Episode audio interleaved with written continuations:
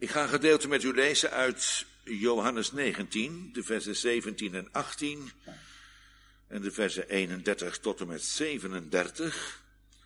De tweede schriftlezing gemeente vindt u in Romeinen 6, de eerste zes versen. Thema van de preek is het wonder van het kruis. Daar gaan we straks met Gods hulp over nadenken. Ik lees met u Johannes 19. En terwijl hij, dat is Jezus, zijn kruis droeg, ging hij de stad uit naar de plaats die schedelplaats genoemd wordt. En in het Hebreeuws Golgotha. Daar kruisten ze hem en met hem twee anderen, aan elke kant één, en Jezus in het midden. Vers 31.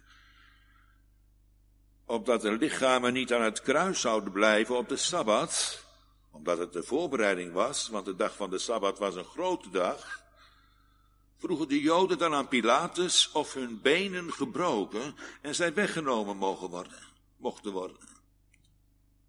De soldaten dan kwamen en brachten, braken wel de benen van de eerste en van de andere die met hem gekruisigd was. Maar toen zij bij Jezus kwamen en zagen dat hij al gestorven was, braken zij zijn benen niet. Maar een van de soldaten die stak met een speer in zijn zij. En meteen kwam er bloed en water uit. En die het gezien heeft, die getuigt ervan. En zijn getuigenis is waar. En hij weet dat hij de waarheid spreekt. Opdat ook u gelooft. Want deze dingen zijn geschied opdat het schriftwoord vervuld wordt. Geen been van hem zal gebroken worden. En verder zegt een ander schriftwoord, ze zullen zien op hem die zij doorstoken hebben. Ik lees met u nog een paar versen uit Romeinen 6. Wat zullen wij dan zeggen? Zullen wij in de zonde blijven, opdat de genade toeneemt? Volstrekt niet. Hoe zullen wij, die met betrekking tot de zonde gestorven zijn, nog daarin leven?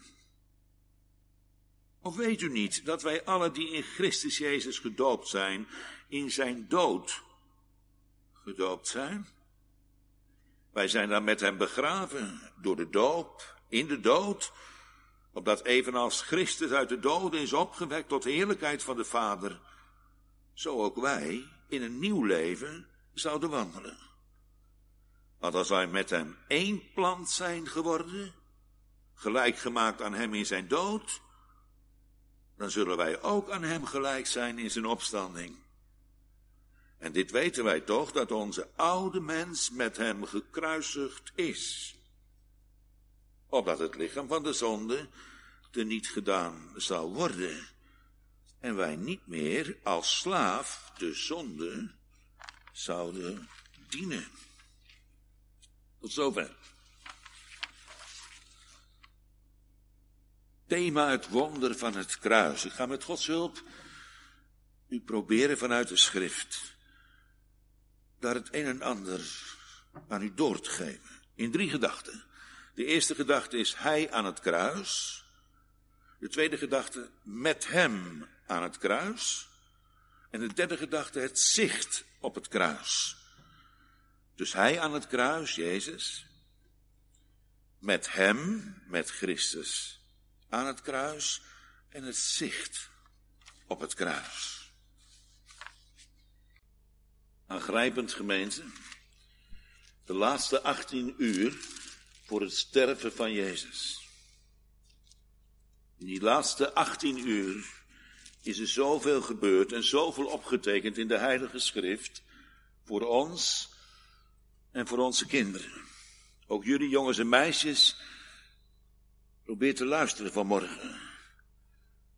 Als je aan de dominee zou vragen, wat is nou het belangrijkste uit dat dikke boek van de Bijbel, dan moet ik toch zeggen, er zijn twee woorden die heel belangrijk zijn in de lijdensgeschiedenis in de Bijbel. Woorden zijn soms ook symbolen. Woorden hebben soms een hele diepe betekenis. En die twee woorden die heel belangrijk zijn in het Leidensevangelie, dat is het woordje kruis en het woordje bloed. Bloed en kruis zijn twee kernwoorden in het lijdensevangelie van Jezus. Het zijn woorden. Maar woorden doen kracht. Daarom zijn we ook in het huis van de Heere zondags om te luisteren. Niet naar een verhaaltje en niet naar een romannetje, maar naar woorden. Woorden uit de Heilige Schrift die kracht doen. In jullie leven hopelijk en in mijn leven. Daarom is het goed om vanmorgen thuis op de bank met het Bijbeltje op je schoot en met gevouwen handen te luisteren naar woorden. Woorden waar God van beloofd heeft, dan die woorden kracht doen. Het zijn namelijk geen mensenwoorden, het zijn ook niet mijn woorden. Het zijn de woorden van de Allerhoogste, van de God, jongens en meisjes, die de hemel en de aarde gemaakt heeft. En die God heeft woorden op laten tekenen in de Bijbel. En hij heeft ook zijn heilige geest gegeven, zodat die woorden in jou en in mijn hart kunnen binnendringen. Dat kunnen wij vanuit onszelf niet. Dat kan de dominee jullie niet geven. Ik kan het wel heel dicht bij jullie brengen en dat ga ik ook vanmorgen met de hulp van de Heer doen. Het dicht bij het hart van jullie brengen. Maar wij geloven met elkaar dat het de Heilige Geest is die woorden krachtig laat zijn in jouw leven en in mijn leven. Ik zei al, woorden zijn soms ook symbolen. Dat zien jullie natuurlijk al bij het avondmaal. Hè? Dan zien we een beker met bloed, met wijn. En misschien draag jij of of u wel om uw hals ook een symbool, een kruis. Dat zie je nog eens, hè, jongens en meisjes en vaders en moeders ook. Dat ze een kruisje aan een ketting op hun borst hebben hangen. Een symbool, het kruis. Bloed en het kruis, twee symbolen.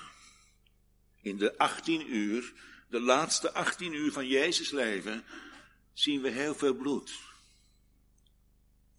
We zien dat bloed in Gethsemane als hij daar kruipt door de hof. Onvoorstelbaar, jongelui, dat het zweet wat uit de poriën kwam van Jezus, dat werd gelijk aan grote droppels bloed. Probeer het je even voor te stellen. Dat er iemand over de grond kruipt en zo innerlijk worstelt met een drinkbeker die we niet eens letterlijk zien. En dat dat zoveel kost van Jezus, dat hij als het ware geperst wordt, net zoals een olijf geperst wordt in een olijfpers. Er kwam geen vocht uit, maar bloed. Het symbool in de Bijbel van een woord wat kracht doet. Dat zal ik je zo proberen uit te leggen. Maar het is niet alleen daar in de hof van Gethsemane. Maar in die laatste 18 uur heeft Jezus heel veel bloed gestort. Ze hebben hem geslagen in het huis van Caiaphas met vuisten in zijn gezicht. En ze hebben hem gebracht in het huis van Pontius Pilatus. En ze hebben een kroon van doornen, een coronakroon, op zijn hoofd gedrukt. Toen hebben ze nog een staf genomen en toen hebben ze nog geslagen op die kroon, zodat er bloed uit de poriën en uit de wonden van Jezus hoofd vloeide. Bloed. Jongens en meisjes, en toen werd Jezus vastgebonden daar bij dat stadhoudelijk paleis. Op Gabata, de plaats voor het paleis waar de stadhouder was. Daar werd hij aan een aan een betonnen paal vastgebonden. Toen hebben ze met een geesel de rug van Jezus doorploegd en toen kwam er bloed uit. Bloed. Het symbool. Een woord met een diepe, diepe achtergrond. Toen hebben ze meegenomen naar die heuvel daarboven. En toen hebben ze hem daar vastgespijkerd, alsof dat hij de grootste misdadiger was, aan het hout. Zie je het voor je? Vanmorgen in de kerk, het zijn woorden. Maar woorden doen kracht. En toen ze zagen dat Jezus, dat hebben we gelezen met elkaar, toen we zagen dat hij gestorven was, toen hebben ze zijn benen gebroken. Niet gebroken, maar ze hebben hem met een staf, met een spies in zijn zijde doorstoken. Jullie weten, jongens en meisjes, wat er uit de zijde van Jezus kwam. Bloed en water. Bloed is het symbool in de Bijbel van het leven. Daarom mocht Israël ook geen vlees eten wat met bloed doordrenkt was. En mocht, en mocht een Jood geen bloed drinken. Bloed was er voor God. Dat bloed, mochten wij in die zin niet drinken, want het was een symbool van het leven voor God. Dat bloed in de Bijbel, dat heeft iets te maken, natuurlijk, met Egypte. Daar ging een vader naar buiten, toch? En hij streek het bloed aan de bovendorpelen en aan de zijposten van het huis. Wat betekent dat? En die vader die ging achter dat bloed samen met zijn kinderen en met zijn vrouw het lammetje eten. Jongens en meisjes, als God door de straten gaat van Egypte en als God het bloed ziet, gaat hij voorbij. Als God bloed ziet, gaat God voorbij. Bloed is er in de eerste plaats voor God. Het is een symbool dat iemand zijn leven geeft. En als iemand zijn leven gegeven heeft, niet onverschillig wie, maar als die zijn leven geeft, dan hoeven al de mensen die achter het bloed zitten niet te sterven. Want als God ziet dat er een ander zijn bloed heeft gegeven, zijn leven heeft gegeven. Nee, geen onrein bloed. Geen bloed zoals jullie en ik in ons omdragen. Maar Jezus gaf zijn reine bloed. Zonderloos bloed. Volmaakt bloed. Hij gaf zijn volmaakte leven. En dat bloed, dat hebben jullie nodig en dat bloed heb ik nodig. Want de Bijbel die zegt, jongens en meisjes, van dit bloed, dat het ons rein maakt voor God. En misschien zit je wel met die vraag. Hoe kom je dan aan dat bloed? De dominee heeft toch geen schaal bij zich met bloed? Nee. Dat is niet nodig, want woorden doen kracht. Wij hebben het woord. En het woord dat verkondigt ons dat het bloed van Jezus Christus reinigt van alle zonde. Het woord doet kracht. Dat bloed is maar een symbool. Om het voor jou en voor mij dichtbij te brengen. Want dat bloed letterlijk, dat maakt mij natuurlijk niet rein. Als dat rode bloed gesprenkeld wordt op mensen, dan word je niet letterlijk wit en rein van. Nee, het is een symbool van het leven. Daarom leven wij met elkaar in de lijdensweek. En daarom moest Jezus aan het kruis. Om zijn reine bloed te geven. Zodat ik vanmorgen hier niet met een schaal met bloed, maar met woorden tot jullie mag komen. Tot je vader en tot je moeder en opa en oma die misschien ook meeluisteren. De dominee die mag vanmorgen dat bloed sprenkelen, hoor je het, op de gemeente. Daarvoor ben ik naar Rotterdam gekomen. Want God wil dat zijn dienaren dat bloed dicht bij de mensen brengen. Door woorden. Woorden doen kracht. Daarom sprenkel ik vanmorgen dat bloed op de gemeente. Dat deed de priester in het Oude Testament ook. En dat doen de dienaren vandaag aan de dag ook. Het bloed van Jezus. Nee, niet het bloed van Abel. Niet het bloed van bijzondere mensen van deze aarde. Want dat bloed, dat kon God niet aanzien, niet accepteren, niet aanvaarden. Maar het bloed van zijn lieve zoon. Dat hebben jij en ik samen nodig. En daarom sprenkel ik dat bloed vanmorgen op jullie met woorden. En ik zeg erbij en ik verkondig erbij, wie dit bloed omhelst, wie in dit bloed gelooft, die is rein voor God. Dat is wat. Al zou je vanavond in het bad gaan, of je zou je onder laten dompelen ergens, maar dat maakt je niet rein. Maar het bloed van Jezus, dat maakt mij rein.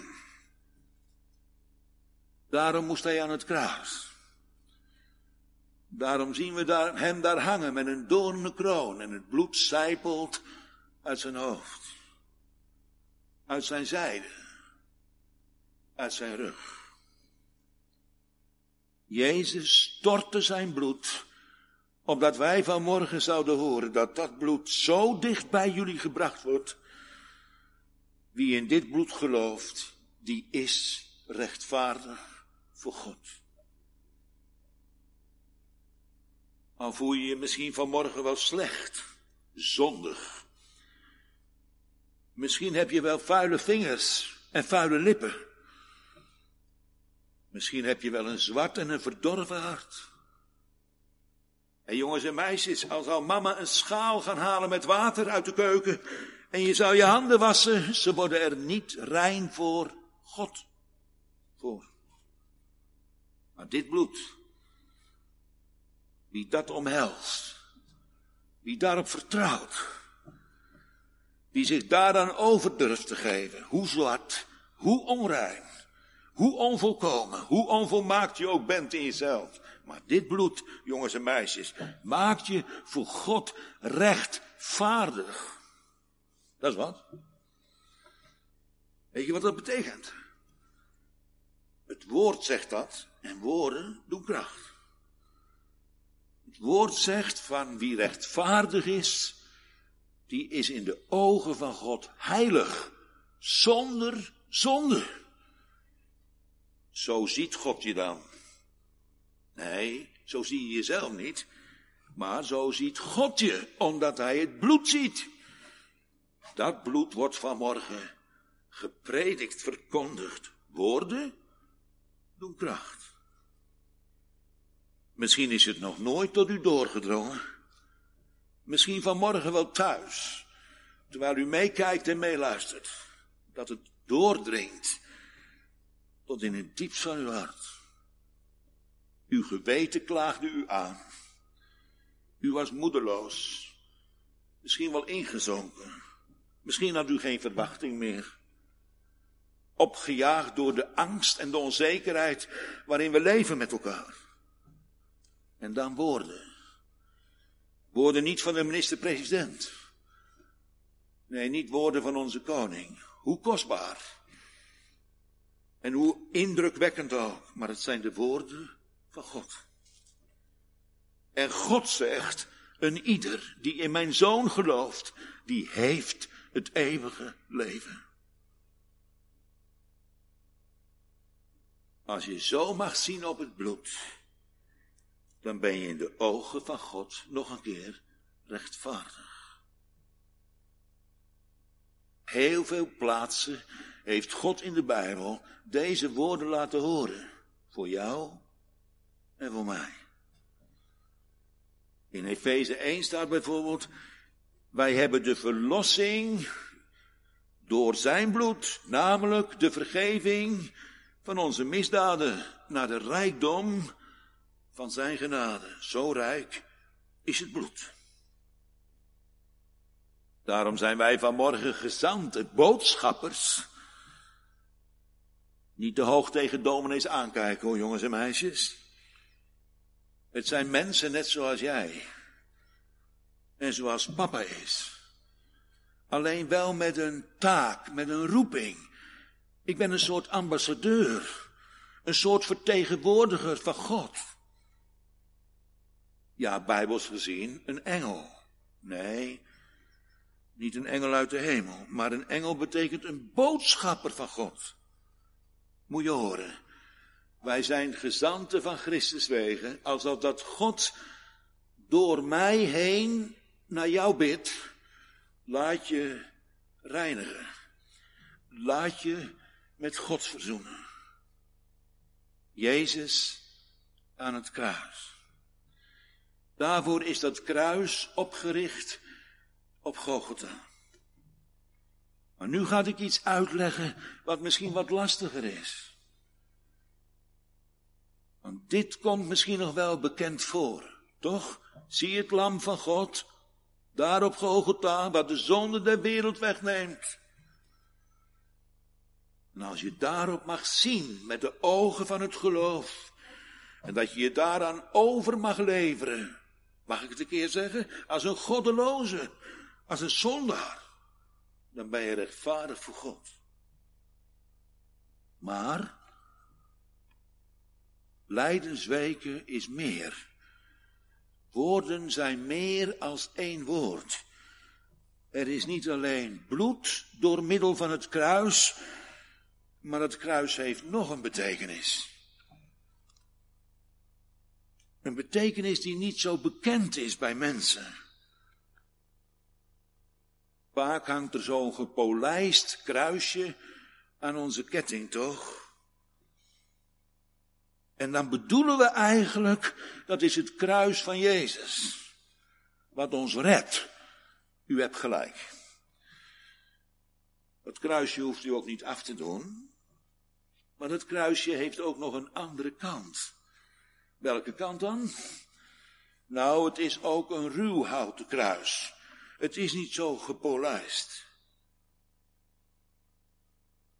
Wat betekent dat dan? Nou, de Bijbel die spreekt met woorden over het kruis en dat heeft iets te maken, jongens en meisjes en gemeenten, dat heeft iets te maken met mij. Dat kruis waar ik het net over had, dat was het kruis van Jezus. Maar nou zegt de Bijbel ook dat ook ik gekruisigd moet worden. Dat is niet zo fijn. Dat wil je natuurlijk niet, toch? Daar gaat Jezus. En de moeders van Israël die huilen. Ze hebben medelijden met Jezus. Jij wilt toch die weg niet gaan? Jij wilt toch niet naar het kruis? Daar vechten we toch tegen? Want het kruis, jongens en meisjes, dat is de plaats van de executie. Dat is heftig. Daar worden notabene criminelen ter dood veroordeeld. Daar wil jij niet heen. Daar wil ik ook niet heen. Toch wil God dat wij daarheen gaan. Alleen, niet alleen. Maar samen met Jezus. Want Paulus zegt op heel veel plaatsen in de Bijbel met woorden, en woorden doen kracht, dat hij zegt, wij zijn met Christus gekruisigd. Met Christus gekruisigd. Ja, nog sterker zegt Paulus, wij zijn niet alleen met hem gekruisigd, maar we zijn ook samen met hem gestorven. Gestorven. U staat toch hier op de preekstoel, dominee? De kerkenraad zit hier beneden toch. Wij zijn toch niet gestorven? Wat bedoelt Paulus dan nou mee? Dat Jezus gestorven is, dat begrijp ik. 2000 jaar geleden. Ja, maar het gaat nu over mensen die in Jezus geloven. Zoals jij? Geloof je in Jezus? Heb je je over leren geven aan het bloed wat Jezus Christus gestort heeft tot reiniging van jouw zonde. Als je dat door de genade van God je over hebt leren geven aan die dierbare Heer Jezus, dan zegt de Bijbel dat ook jij gekruisigd moet worden. Wie bedoelt u met jij, dominee? Jouw ik.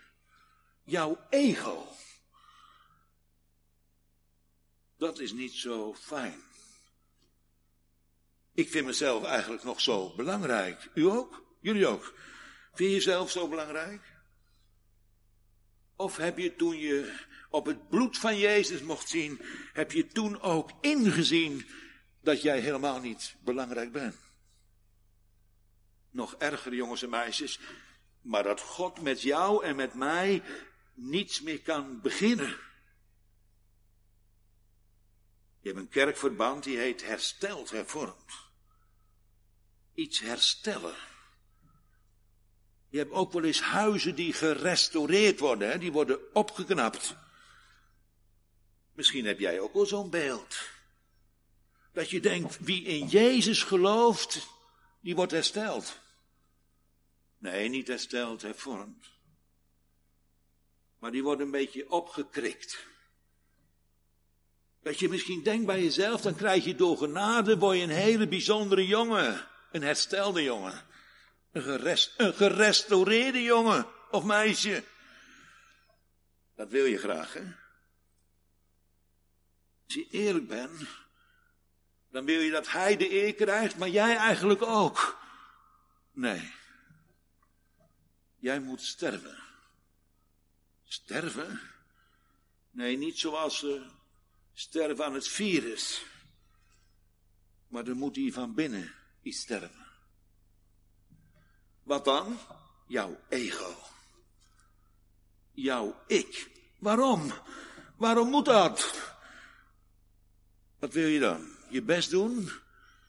Ja, maar daar neemt God geen genoegen mee. Want als dat zo was, dan had Jezus niet naar de aarde hoeven te komen. Dan had God jou kunnen restaureren, kunnen herstellen. Maar dat kon niet. Je was te ver weg. Je was te diep gevallen. Wij waren te ver bij God vandaan gegaan. Ik moet jullie zeggen vanmorgen, en u zeggen vanmorgen gemeente, God kon met mij en met u niks meer beginnen. Daarom heeft hij zijn zoon gezonden. Daarom moest Jezus sterven in mijn plaats. Maar daarom moet ik ook sterven. Onbewoonbaar verklaard. Niks meer mee te beginnen. Ben u het daarmee eens? Ben je met mee eens dat de Bijbel noemt dat vlees, je mens zijn, je oude mens. Sommigen hebben het zo moeilijk geestelijk. Want het lukt gewoon niet om te restaureren. Gelukkig maar. Je moet sterven. Hoe dan? Moet ik alleen dan naar het kruis, net zoals Jezus naar het kruis ging? Nee. Het ligt iets anders. Al degenen die bij de Heer Jezus Christus horen. En hoe hoor je bij Hem? Wanneer, wanneer hoor je echt bij Hem? Wanneer je door het geloof met Hem verbonden bent, dan ben je eigenlijk één met Hem. Mee eens? Mee eens? Of niet mee eens? Net zoals die wijnstok en die rank, die rank die wordt door het geloof in die wijnstok ingeënt en die wordt één met de wijnstok en de wijnstok is Christus. En dan? Gaat Jezus naar het kruis. En wie neemt hij mee? Jou. En mij. Toen hij daar aan het kruis werd gespijkerd, toen zag ik ineens door het geloof, heb jij dat ook? Dat ik samen met hem ook aan het kruis werd gespijkerd. En toen blies Jezus de adem uit. En ik ook. Hij stierf daar. Ik ook. Mijn oude mens is daar gestorven. De adem is eruit. Hij is dood. Wat doe je met een dode? Heel heftig hè, in deze coronacrisis. Een dode wordt begraven. Jezus, Jezus werd begraven. Ik ook. Ik was zo één met hem verbonden dat ik samen met hem begraven ben. Het oude is voorbij gegaan. Oude? En toen dan? Ja, toen is Jezus uit de dood opgewekt. En Paulus zegt in Romeinen 6, vers 1 tot en met 6, en ik ben samen met hem ook opgewekt. En het oude dan, is dood. En waar ben je dan door het geloof? Als je met Jezus opgewekt bent uit het graf en uit de dood, wat ben je dan? Een nieuw schepsel. En al het oude is voorbij gegaan. Het is allemaal nieuw geworden. Ik ben in de ogen van God een rechtvaardige. Nee toch, een heilige. Nee toch. Zo voelt dat helemaal niet. Echt niet? Voelt het niet zo? Nee, daarom twijfel ik, dominee. Want mijn oude mens is helemaal niet dood. Oh, zo voelt het, bedoelt u. Maar God zegt dat hij dood is. Wie heeft er gelijk? Hebben Gods beloften, hebben die gelijk? Of heeft mijn gevoel gelijk? Nee. God is waarachtig. Wat hij belooft en wat hij gezegd heeft, dat doet hij. Wat is dan de praktijk? Dat ik vaak last heb van wie? Van wie eigenlijk? Van dat lijk. Luguber, hè? Aangrijpend. Maar dan, het is ook aangrijpend. Romeinen 7. Dat was een straf van de Romeinen. Als iemand iemand had gedood, dan kreeg hij een straf. Weet je wat voor straf? Dan moest hij met dat lijk van dat slachtoffer door de straten lopen. Ik zeg het echt met huiver. Denk niet omdat ik dit zeg, omdat ik niet weet wat de dood betekent. Ik heb twee kinderen op graf liggen. En ik heb genoeg meegemaakt. En ik heb de dood vaak genoeg in de ogen gezien. En toch gebruik ik dit beeld. Paulus zegt, ik loop met een lijk op mijn rug. En dat ontbindt. Dat stinkt. Ja toch? Misschien hebben u dat ook wel eens. Dat de walm van die oude mens die gestorven is, soms je keel wel eens dichtsnoert. Maar hij is toch dood? Ja, maar hij is aan het afsterven. Begrijpt u dit? Begrijpt u dit, broers? Wat is leven door het geloof? Nou, ik ben gestorven. Ik, ik leef niet meer. Ik zit niet meer op de troon. Er is een ander in mijn leven gekomen. Jezus Christus. En die zit op de troon van mijn leven. En wat ik nou nog leef, dat leef ik hier door het geloof in de Zoon van God. Het bloed en het kruis. Het bloed is er voor God en het kruis is er voor jou. Omdat wij aan dat kruis samen met Jezus, dat er afgerekend wordt met mijn oude mens. En dat God door het kruis en door de dood heen iets nieuws verwekt. Wat dan? Ik leef niet meer. Maar Christus leeft. En dan moet ik leren, jongens en meisjes, om door het geloof te leven. Dat staat soms haaks op mijn gevoel. Soms staat het haaks op mijn uitstraling. Het geeft van binnen soms een gevecht. Een gevecht? Ja. Tussen dat nieuwe en dat oude. Oude. Toch weet ik, zegt Paulus, ik weet het echt zeker. Mijn oude mens is gestorven. En toch, en toch moet hij elke dag nog sterven. Hoe kan dat nou toch weer? Onze Heidelberger zegt dat zo. Indrukwekkend, hè? Wat is de waarachtige bekering? Bekering is niet een soort iets van, nou ja, ik ben bekeerd en dan ben ik er of zo. Ja, dan ben je er wel. En toch ben je er niet. Want, want onze Heidelberger zegt op grond van de Bijbel, wat is een waarachtige bekering? Dat is het afsterven van de oude mens en het opstaan van de nieuwe mens. Een proces. Ik dacht dat het gebeurd was.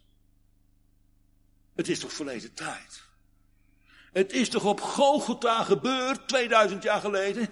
Toen ben ik toch gestorven. Toen ben ik uit de dood opgewekt met Jezus. En nog een stapje verder, toen ben ik met hem opgevaren in de hemel. En daar in de hemel, daar word ik als nieuw schepsel bewaard. Daar kan geen roest en geen mot meer bij. Geen coronavirus. Wie in de schuilplaats van de Allerhoogste is gezeten, die zal vernachten onder de vleugelen van de Almachtige. Daar wordt Gods kind bewaard, in de hemel, in Christus. Maar ja, we zijn nog hier op aarde. Luther zei, de moordenaar aan het kruis, die mocht gelijk naar huis. Maar wij moeten nog even verder, even nog. Door verdrukking, eh, door een pandemie, door oorlogen, door pestilentie.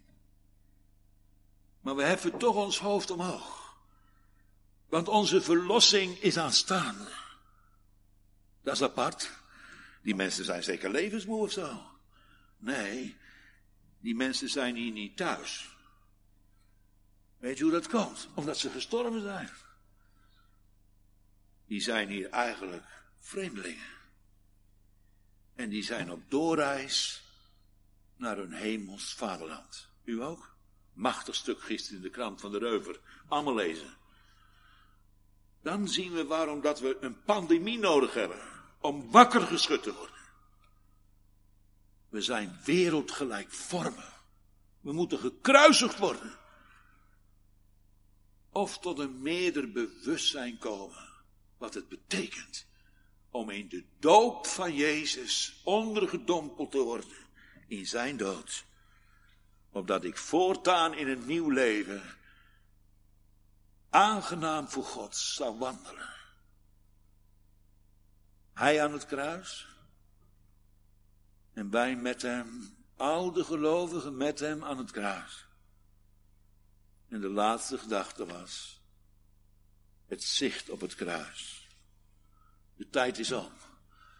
Maar ik zie u zitten thuis op de bank en uw kinderen aan tafel. Het is misschien wel een beetje rumoerig. Hè? Wat een zegen, hè? Dat we, dat we altijd zondag aan zondag naar het huis van God konden gaan. Dat was misschien ook wat, wat meer beslag als thuis. Toch jongens en meisjes, maar luister eens. De laatste gedachte is het zicht op het kruis. Door dit alles heen hebben jullie toch het kruis wel gezien? Of heb ik het niet hoog genoeg omhoog gegeven? Dan aan het einde van de preek, dan zie ik een oude man. En ik zie hem rennen met een staf in zijn hand. En bovenaan die staf daar is een koperen slang. En hij weet niet hoe snel hij zich midden tussen het volk moet begeven. En die oude Mozes steekt die staf omhoog. Zie je het? De achterste kon het zelfs zien. Jij ook. Kon je thuis ook zien? Het kruis. Het kruis wat mij predikte. Dat een ieder die op de gekruisigde Christus ziet, die is behouden. Echt waar, het staat er. Of heb je het niet zo goed gezien? Je werd toch niet afgeleid? Want de duivel probeert je af te leiden. Je mag overal naar kijken. Overal. Van de duivel. Behalve naar Jezus. Want hij weet, als je daarop ziet, dan is hij zijn macht kwijt. En wanneer is hij zijn macht kwijt? Als ik sterf. Want ik hoorde bij hem. Hij beheerste mijn leven. Hij zette mij telkens aan tot zonde. En ik wilde gewoon zondigen. Ik wilde zondigen. Zo één was ik met de duivel. Toen kwam die stang, die oude Mozes. En toen die slang die daar glinsterde in de zon. Het kruis van Jezus. Dat kruis heeft mij gedood. Die drang om te zondigen is geknakt. Er is iets gebeurd. Ik ben gestorven. Jongens en meisjes, zoiets wonderlijks. Daarom kan ik die stang nooit genoeg omhoog houden. Ik ben altijd maar bang dat ik hem te laag houd. Want jij die daar achterin bijna je hoofd niet meer op kan heffen, zie je de slang? Naar huis. God zegene jullie. Mama gaat zo koffie inschenken en limonade. Jullie gaan met papa en mama met elkaar napraten. Over niemand anders dan Jezus alleen. Want jij bent gestorven. Jij bent uit het zicht. Gelukkig. Wat een bevrijding. Kind van God, sta in de vrijheid waarmee Christus u vrijgemaakt heeft. Amen.